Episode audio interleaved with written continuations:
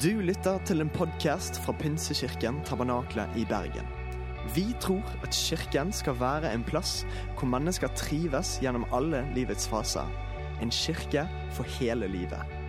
Ønsker du å bli bedre kjent med oss eller holde deg oppdatert?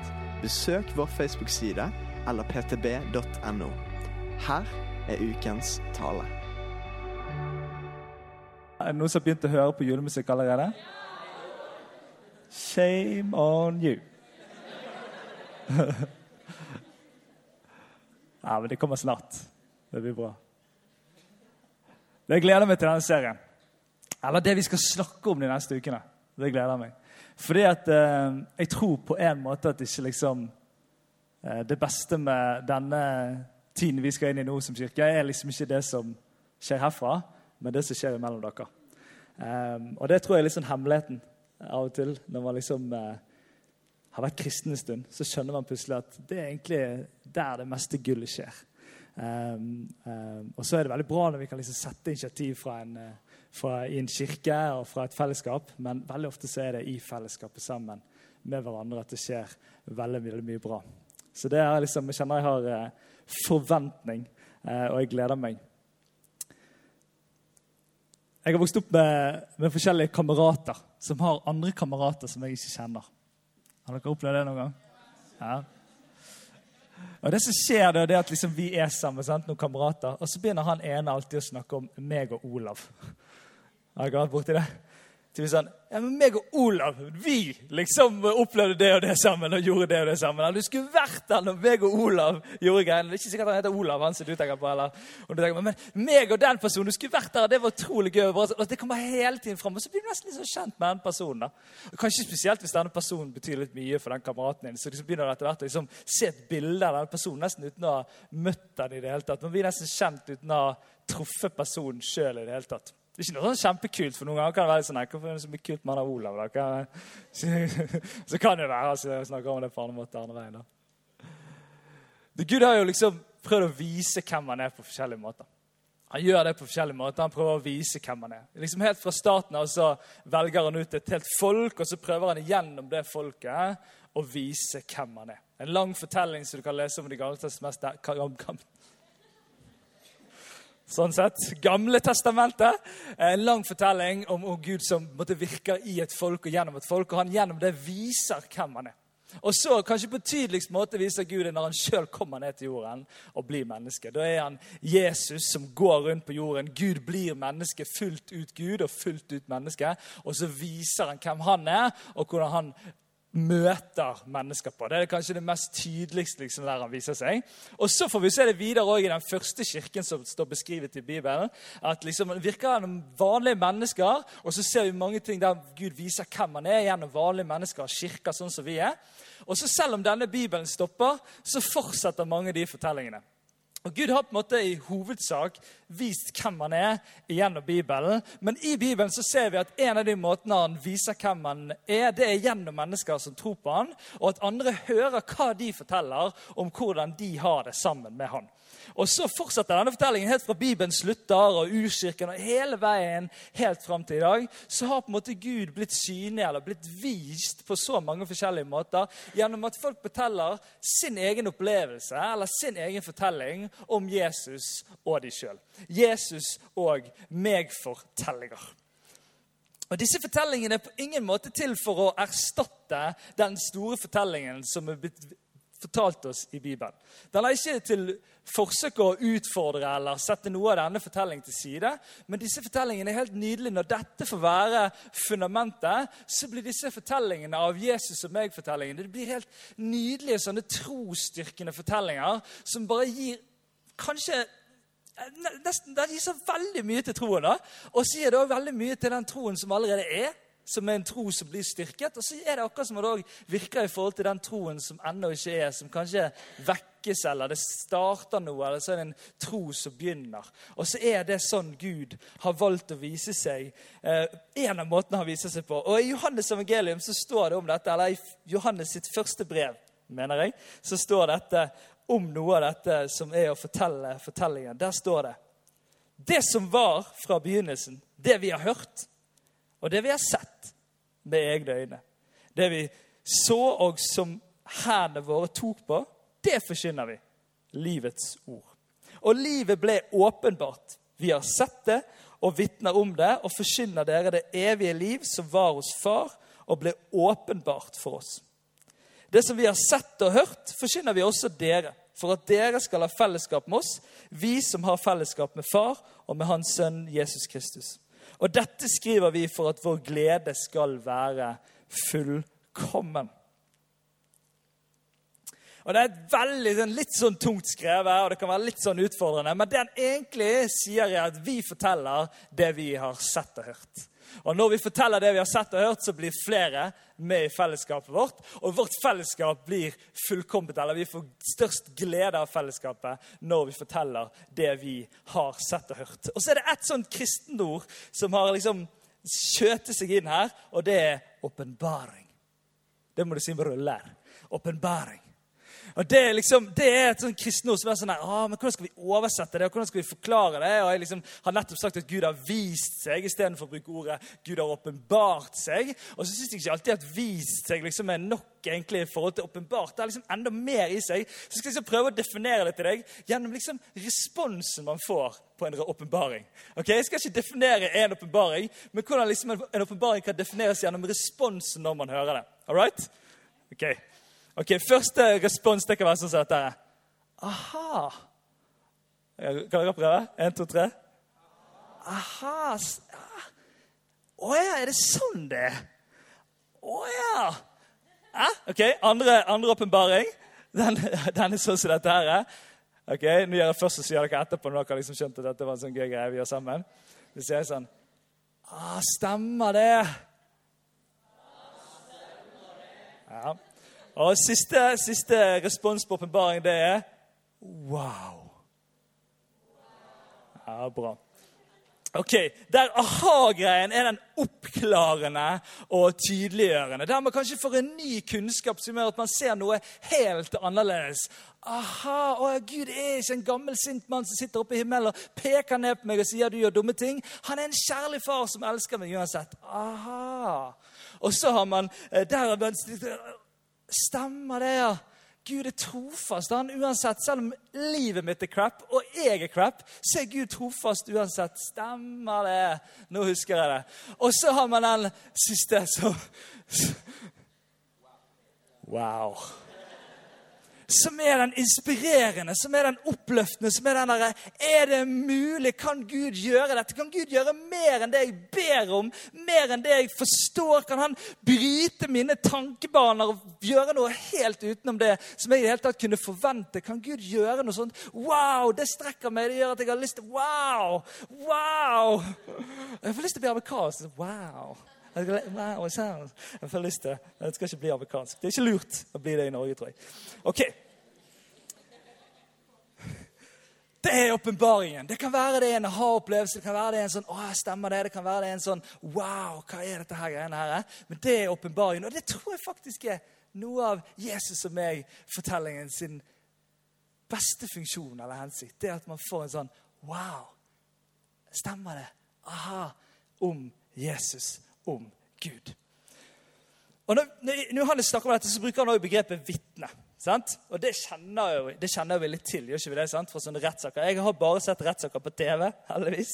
Uh, og, og, liksom, Jeg har ikke vært inni det der så veldig grådig, men man skjønner jo litt etter hvert hva det går i. sant? At det er en sak, og noen skal liksom, uh, man skal finne fram til hva som egentlig har skjedd, og noen må ta ansvar for det som har skjedd. sant? Og man prøver å finne ut av det, og da har man ofte disse vitnene inne. sant? Og hva er liksom vitnet sin største funksjon i en rettssak? Jo, det er jo liksom å hjelpe ut til å finne ut av hva var det som egentlig skjedde. sant? Hva er sannheten her? Sant? For kanskje er det sånn at den som har gjort noe dumt, prøver å lage en annen fortelling eller prøver å lure seg unna. Og så er det sånn at det kommer vitner inn som er helt uavhengig kanskje av hele saken, som kommer inn og sier sånn ah, men jeg, jeg så det, jeg sto på hjørnet der med 7-Eleven. Og så sto jeg der, og så, så, jeg liksom, så skjedde det der greiene. Jeg så akkurat hva som skjedde derfra jeg sto. Og så er det kanskje et vitne til også, som står litt på andre hjørnet og sier jeg ser hva som skjedde der. Og så ser man liksom, er det nok liksom, substans i dette. Er det nok liksom greier til for at ja, ja men nå, nå kan vi se, vi kan nærme oss sannheten. Og Når vi snakker om det å dele sin fortelling, eller det å være et vitne om det man tror på, så er det kanskje det som er litt av vår oppgave òg. Det å fortelle det vi har sett og hørt, og at sannheten skal bli mer og mer klar for folk. At vi skal komme nærmest mulig sannheten. Og I Bibelen er ikke Jesus sånn at han sier at det er sant, det de sier om meg. Han sier til og med at han er sannheten. Og Det tror jeg liksom er en sånn nydelig side av det å fortelle om deg og Jesus. Det at det skal føre til at sannheten blir tydeligere. At noen ser sannheten for første gang, eller at sannheten blir tydeligere for enten deg eller noen andre mennesker som tror.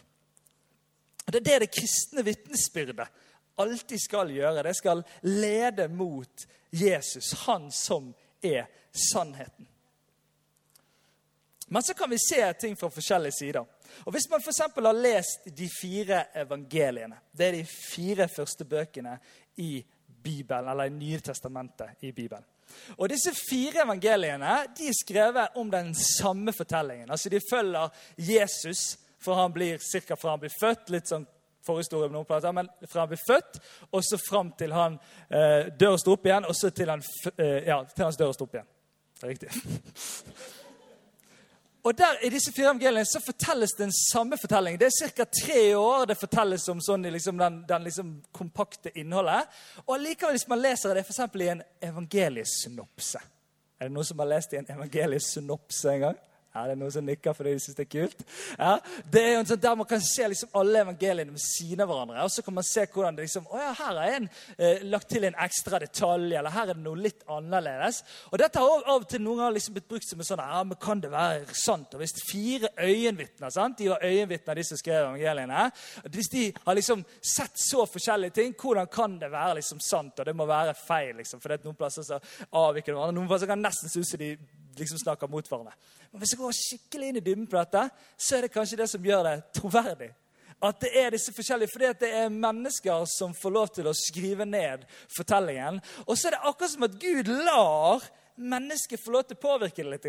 Og det er helt nydelig. Jeg synes det er så nydelig at Hvis du leser evangeliet, så kan du se etter hvert at Lukas han er lege. Han er opptatt av det der greiene med at folk blir syke og friske. For det fascinerer han, for det at han har vært prøvd å gjort det uten. sant? Og, og liksom han bare, å, hei, meg. Hva skjer her? Og så har du f.eks. Johannes. Han er filosof. sant? Eller jeg vet ikke om han ville kalt det selv, men han er mye mer sånn, litt sånn mer svevende i språket. Han snakker litt mer inn i den tenkende sfæren som var på den tiden. Han har liksom mer den siden. Og så har du Matteus. Han er veldig opptatt av historien, av den jødiske historien, og peker tilbake en masse referanser. Når Jesus bruker referanser, så plukker han masse opp av de og liksom snakker tilbake til den jødiske historien. Og så har man sånne forskjellige synsvinkler. Og Det svekker ikke fortellingen av at man ser fra forskjellige sider. Den unike posisjonen man har av der man ser noe, er faktisk en, en mulighet til å kunne se helheten. Og at helheten blir mye bedre forklart med at man har en unik posisjon. i Det man forteller. Og Det er akkurat som at Gud lar dette skje. Og jeg tenker sånn her, Det er litt risky, Gud. Det er litt risky greier du holder på med her. Og det er ikke det at du liksom bare lar mennesker skrive hva de vil. sant? Vi tror at det er hellig og inspirerer. Men han liksom lar de, de, de, de forskjellige typer mennesker liksom reflektere noe eller påvirke noe i forhold til det. Og så tenker jeg men det er fordi han er jo dønn sikker på hva han skal fortelle. Han er ikke noe usikker på det. han er ikke noe sånn usikker, Men hva var egentlig som skjedde? da? Han er dønn sikker på hva som skjedde. så han plaster litt sånn her, at at det blir det. Og så er det òg det at du må få fram den større helheten av det. Jeg tror faktisk det må minst til en verdensvid kirke av enkeltpersoner med enkeltfortellinger om Jesus for å kunne beskrive hvor stor Jesus er, hvor stor Gud er. Jeg tror det er faktisk det som må til. Og jeg tror vi har fått masse her, men jeg tror faktisk at det fins enda flere sånne ah, stemmer det, wow-opplevelser som kan skje når vi forteller det som skjer i våre liv sammen med Jesus. Og så er det faktisk litt sånn at hvis man har en rettssak, da, og det er et vitne som har sett noe, men ikke forteller, så kan det liksom utelate en del av fortellingen som gjør at fortellingen kan bli litt annerledes. Og nå tror ikke jeg at det er sånn at Hvis ikke jeg forteller min fortelling, så blir hele teologien endret. liksom. Men jeg tror at jeg har en unik fortelling for noen mennesker som gjør at hvis ikke jeg deler fortellingen, så er det noe i deres bilde som mangler. Eller de ser noe uten det. Og kanskje jeg er den eneste som kan være den fortellingen som endrer litt på det bildet. Aha! Var det sånn det var? Er det sånn det egentlig er? Og så kan man liksom begynne å snakke om verdensbildet og tro alle disse tingene. Men kan det være at det er ganske avgjørende den fortellingen som du har, på en positiv måte. Og Nå har jeg liksom løftet fram det å fortelle sin fortelling, og viktigheten av det, og, og hvor unikt det er at vi har forskjellige historier, og, og, hvor bra det kan være. Men så kommer det liksom til det punktet der man skal dele sin fortelling. da. Og da kan det oppstå noe litt sånn fascinerende i oss. Da kan f.eks. setningen komme Nei, men min historie er jo ikke så viktig. Jeg har bare en sånn kjedelig historie. Nei, jeg vil ikke fremheve meg sjøl. Min historie er ingenting i forhold til den historien. Den historien. Du skulle bare hørt. Det er så mange sånne tanker. eller Det kan òg være unnskyldninger noen ganger fordi man syns det er krevende å dele troen sin. Eller det kan være løgner man tror er sanne fordi man enten har tenkt det så mye sjøl, eller fordi man trodde det var noen andre sa det. Og så har det begynt å liksom snike seg inn. Så hver gang man får, enten får en naturlig mulighet, eller hver gang man blir utfordret, så blir man litt sånn Nei, nei, jeg har mine setninger som jeg sier til det der greiene der. Og jeg har lyst til å si litt sånn tydelig til deg her i dag at de ikke er riktige, de setningene. De er ikke sanne. Ja, Det kan godt være det fins noe sant i det, eller et eller annet som du, du liksom har opplevd som er reelt, men jeg tror faktisk ikke at det er sant at din fortelling ikke er verdt å fortelle. Jeg tror faktisk ikke det er sant at du ikke skal fortelle fortellingen din bare fordi det fins noen andre som har en bedre fortelling. Fins det bedre fortellinger? Jeg skal snakke om det etterpå. Jeg tror ikke det er sant at du fremhøver deg sjøl ved å fortelle din fortelling om Jesus og deg. Jeg tror vi må bli litt amerikansk på det området der. Dere skjønner hva jeg mener. Ja, takk. Som ungdom så, så gikk jeg på søndagsmøter i den menigheten jeg vokste opp i. Eh, og der hadde vi årlig Jeg opplever nesten at det var oftere enn, liksom bare årlig. Jeg tror det var liksom, Iallfall en gang i halvåret så hadde vi besøk av noe som heter Evangeliesenteret. Evangeliesenteret. Et fantastisk arbeid. og Vi hadde besøk av de her i, i menigheten for to søndager siden. Um, og Det er fantastisk arbeid inn mot mennesker som er, er, fanget i rus eller har liksom kjørt seg inn i et sånt spor i livet. Og så hjelper man de ut av det. Og det som var greien var at Da fikk vi levert noen fortellinger. Og de var helt vanvittige, de fortellingene vi fikk høre der. Det var jo folk som hadde liksom vært rusmisbrukere i tolv år, og over natten så ble de liksom ordførere. De ikke det. Men det var liksom, det var veldig progresjon over veldig kort tid. sant? Det var en sånn sinnssyk fortelling, og det var helt nydelig. Det var helt fantastisk. Og jeg liksom ble grepet og tenkte wow, wow. Og liksom det var så mye flott i disse fortellingene. Og man fikk høre disse fortellingene, og det som endte opp med, var jo at det var da man fikk høre vitnesbyrd. Eller fortellinger. Det var ikke så vanlig at man liksom hørte det veldig mye fra talerstolen ellers. Så de fikk liksom litt sånn her Eh, monopol på vitnesbyrdet. Disse fortellingene som var veldig voldsomme.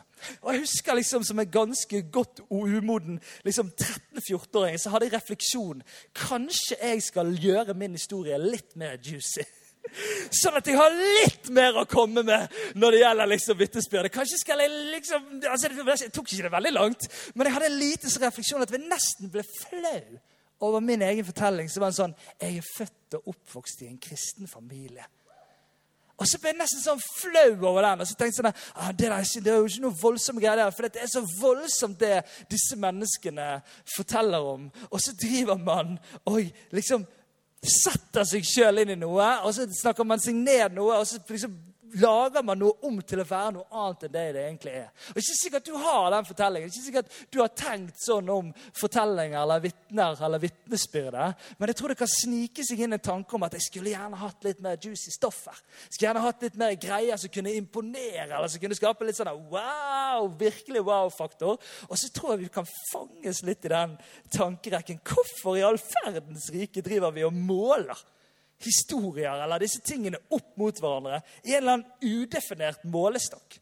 Vi har ikke helt roen på hva den målestokken er engang. Vi bare driver og definerer oss sjøl under noe annet som er over, og så er det bare tull, hele greiene.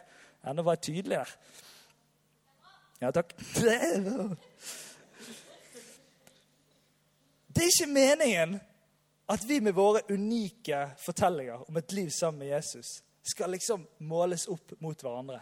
Vi skal heller med våre unike fortellinger måle opp Jesus. Så han blir mer tydelig, mer synlig, mer klar, mer forståelig, mer tilgjengelig, mer nær for de menneskene som enten allerede tror på han, eller kan komme til tro på han. Det er det det skal være, og da har det kanskje ikke så mye å si alltid hvor juicy den fortellingen er etter din liksom, referanseramme. Om det skulle være litt lik den som jeg har hatt litt. Grann. Og det er jo i Jesus-delen av Jesus og meg at kraften ligger. Det er jo ikke i meg-delen. Det er jo i Jesus-delen. Det er jo det som gjør Jesus synlig for første gang for noen, eller styrker troen. Det er jo det som er det største og mest kraftige vitnesbyrdet som fins på denne jorden. Det er jo fortellingen om sannheten, fortellingen om Jesus. Og kanskje er det, når den førsteplassen har blitt satt skikkelig på plass, at vi slapper litt av med de andre plassene, om det skulle være noen andre plasser. At vi slapper litt av med vår plass, og vi slapper litt av med hvor liksom, vår fortelling finner plass i et eller annet hierarki av syke fortellinger sammen med Jesus. Jeg tror dette er sykt viktig, for jeg tror det binder oss når vi driver og setter oss sjøl inn i rare sammenhenger eller rare referanserammer for vår fortelling. Og jeg tror vi går glipp av så mye hvis vi gjør det. Jeg tror at fortellingene er òg de helt ekstraordinære. Det som skjedde på et øyeblikk, det som ble så tydelig og klart, det som er virkelig uforklarlig. Jeg tror det ekstraordinære skjer. Men jeg tror ikke det er alle fortellingene. Jeg tror det òg er fantastiske fortellinger om Gud, en Gud som virker over tid i det som kan virke nesten litt sånn i det ordinære. Der fortellingen av at du er vokst opp i en kristen familie og sjøl valgte troen, er en helt fantastisk fortelling av at det er derfor vi er her i dag. at vi kan være det, Fordi at det har gått fra slekt til slekt til slekt. til slekt til slekt. Og det er helt nydelig. Det er så fantastisk at du har bevart troen din. Det er helt nydelig. Det er et så viktig vitnesbyrd. Og Her en kveld så satt jeg og så på en film. Og den filmen den tok meg tilbake til 16 år gamle André. Og den gjorde det så voldsomt, fordi det var yndlingsfilmen da jeg var 16 år gammel. Og den heter A Walk to Remember. Den ligger på Viaplay. Gå og se den. Helt nydelig film. Det som er greia er at jeg så, Det er en veldig klisjéfilm, men den er helt nydelig. den er veldig bra. Og så er det så og advare litt. Han er gammel.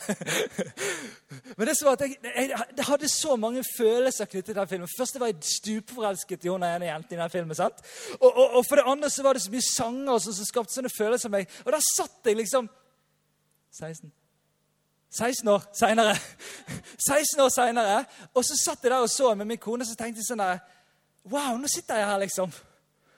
16 år etter. For jeg hadde så mange tanker da jeg var 16 år, så var jeg litt knyttet til den filmen også, om liksom hvordan framtiden skulle være. Og hva skulle være. Og det var så mye i 16 år gamle André som tilsier at jeg ikke skulle vært der jeg er i dag. Det er så mye greier som var i mitt liv, som gjør at jeg tenker sånn her Wow, det er jo helt sykt. Men så kan jeg av og til plutselig se på sånn Å ja, men hva ble det til, liksom. Hva skjedde det, liksom. Ja, men så skjedde det, så valgte jeg det, og det var nok greit. og det var sikkert litt lurt. Og så over tid så skjedde dette greiene her. Og så begynte jeg å tenke over liksom veien fra 16 år gamle André og fram til, fram til 32 år gamle André. 16 på 16 er 32. Ja, bra. Så begynte jeg å tenke sånn ja, men her er det faktisk noen helt vanvittig viktige øyeblikk. Noen helt fantastiske fantastisk viktige fortellinger som har vært med å prege det. Og Det betyr ikke at det er liksom akkurat der jeg skulle ønske jeg var i dag, men jeg kan se tilbake og tenke her kunne det gått veldig mye annerledes. Her kunne det vært veldig, veldig annerledes. Og så ser jeg noen sånne punkter av Gud i livet mitt. Og ikke bare liksom ti år siden, men, men, to år siden, tre år siden. Det er ting som skjer i livet konstant. av at jeg ser, Her er det en som leder meg over tid. Og Kanskje må vi tørre å løfte fram de fortellingene eller se de fortellingene som skjer over litt lengre tid. Noen ganger overvurderer vi det som kan skje på et år eller et halvt år, og så undervurderer vi det som kan skje på fem eller ti år. Gud virker i begge deler. Men la oss ikke bli oppslukt i det øyeblikkelige som skjedde akkurat nå, eller som skjedde veldig fort Det var veldig imponerende på den måten. Men la oss også se de større fortellingene. Jeg tror de er virkelig mye kraftig.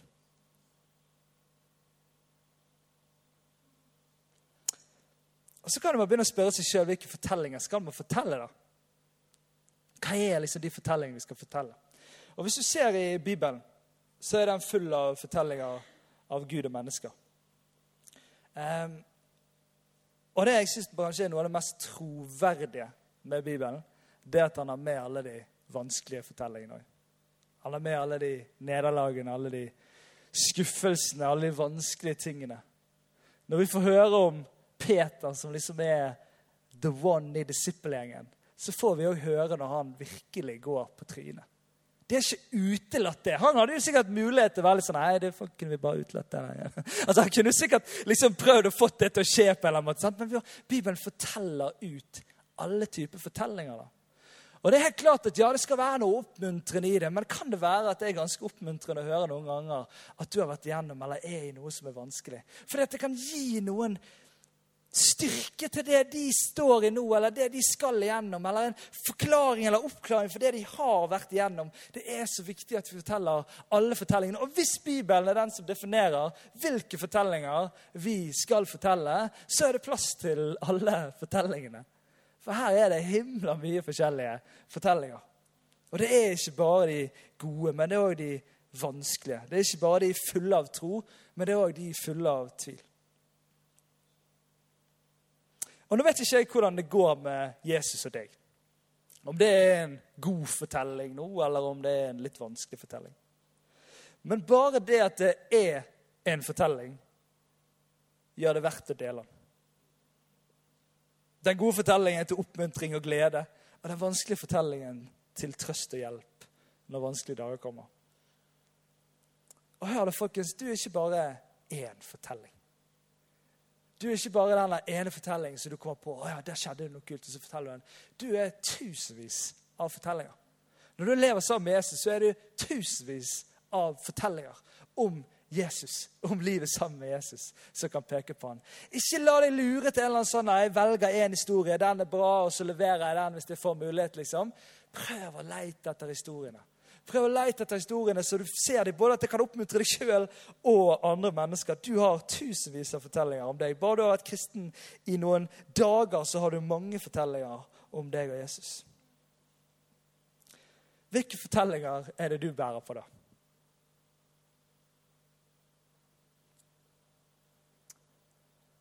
Hvilke Jesus og meg-fortellinger er det du kan dele? Jeg har lyst til å gi deg noen minutter akkurat her og nå. Til å tenke litt. Til å gå litt inn i det. Hvis du ikke tror, så kan du kanskje tenke på om du har hørt noen sånne Jesus-fortellinger i det siste. Men for deg som tror, så Prøv å tenke hvilke fortellinger er det jeg har. Og Nå blir det helt stille. Det er helt greit. Det er ikke så vanlig i et så stort rom, men jeg tror det går fint.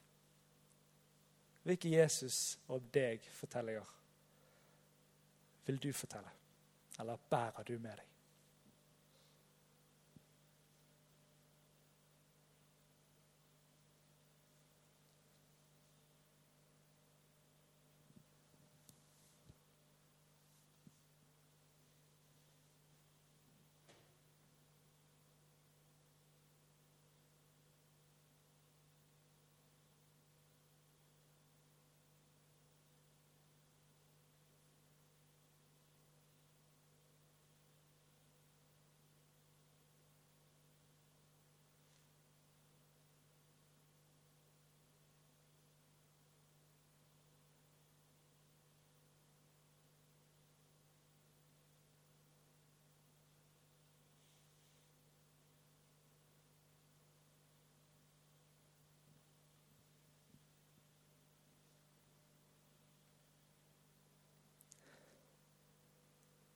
Jeg vil gi deg en konkret utfordring av å skrive, ned de fortellingene.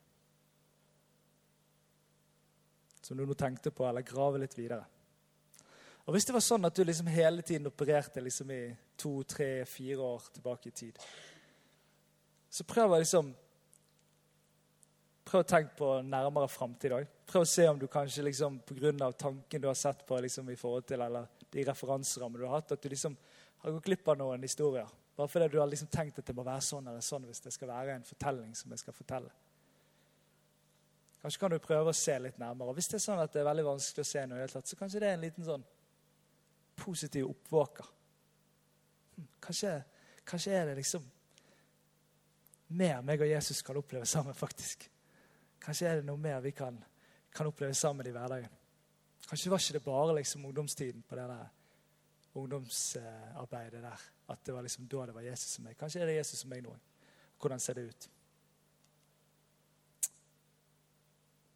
Og Så kan det være du er her og tenker litt sånn som jeg opplevde det når kompisen min snakket om eh, meg og Olav.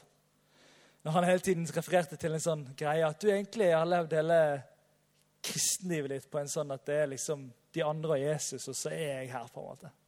Og så har jeg blitt litt kjent med han, eller jeg skjønner litt hvem han er, men jeg har liksom ikke vært med han sjøl. Vi forteller ikke indirekte fortellinger. Vi kan gjøre det òg. Vi kan spre de gode fortellingene. Det er en del av vitnesbyrdet. Men vi har egne fortellinger vi kan fortelle.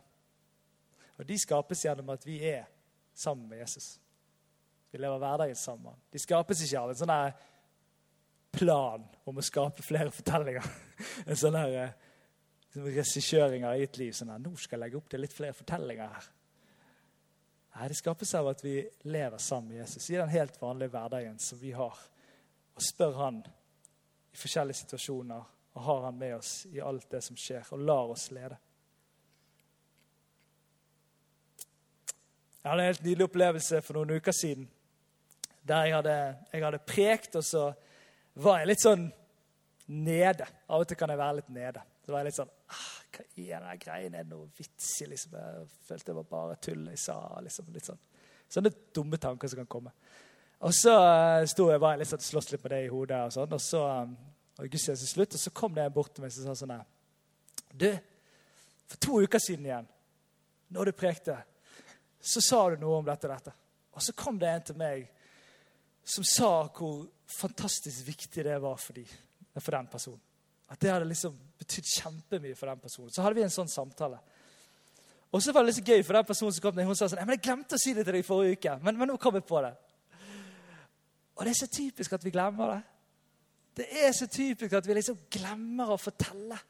At det blir sånn ah, det, Og så glemmer vi det. Og så hadde det faktisk ganske mye å si for meg den dagen. At jeg fikk en sånn type oppmuntring av at jeg får være med på sånne Jesus som jeg forteller gjennom min tjeneste. Og så er det så nydelig når vi husker det. La oss være sånne som husker det. La oss være sånn fellesskap som husker å fortelle fortellingene. Jeg har et ganske sånn hårete mål for denne serien her. Og det er at pga. at vi er en kirke for hele livet, pga. at vi er for alle generasjoner, så håper jeg og tror og ber om at vi skal få høre fortellinger fra hele spekteret i livet. Og ikke bare Når vi sier kirke for hele livet, så handler det ikke om bare 0 til 88 år, som var i søndag formiddag, men det handler om alle livets faser, alle opp- og nedturer. Jeg drømmer om at vi skal liksom få se det, både i det menneskelige, kry krybbete grav, men òg i det følelsesmessige, eller i livssituasjoner eller livsfaser. Jeg drømmer om at det skal skje, og det kommer ikke til å skje hvis det bare skjer herfra. Jeg lover deg, det kommer ikke til å skje. Det er ikke mulig. Da må vi, da må vi ha denne serien veldig lenge. Da må vi snakke lenge. Det kommer til å skje når vi begynner å fortelle det til hverandre når vi begynner å fortelle. Det er ikke sånn her, hør, kan vi møtes, jeg har en fortelling å fortelle. Men når vi begynner sånn ja, du vet hva, Akkurat i går så tenkte jeg på det, og da skjedde det. eller da ba jeg for det, Og så er det en fortelling om Jesus i deg, og så inspirerer det, og så gir det sånne opplevelser som jeg håper vi skal ha mange av aha-opplevelser når man hører det. Jeg håper vi skal ha mange av det. Stemmer det? Jeg håper vi skal ha mange av Wow! Nydelig! I de neste ukene. Og ikke bare de neste ukene, men at sånn kirke skal vi være.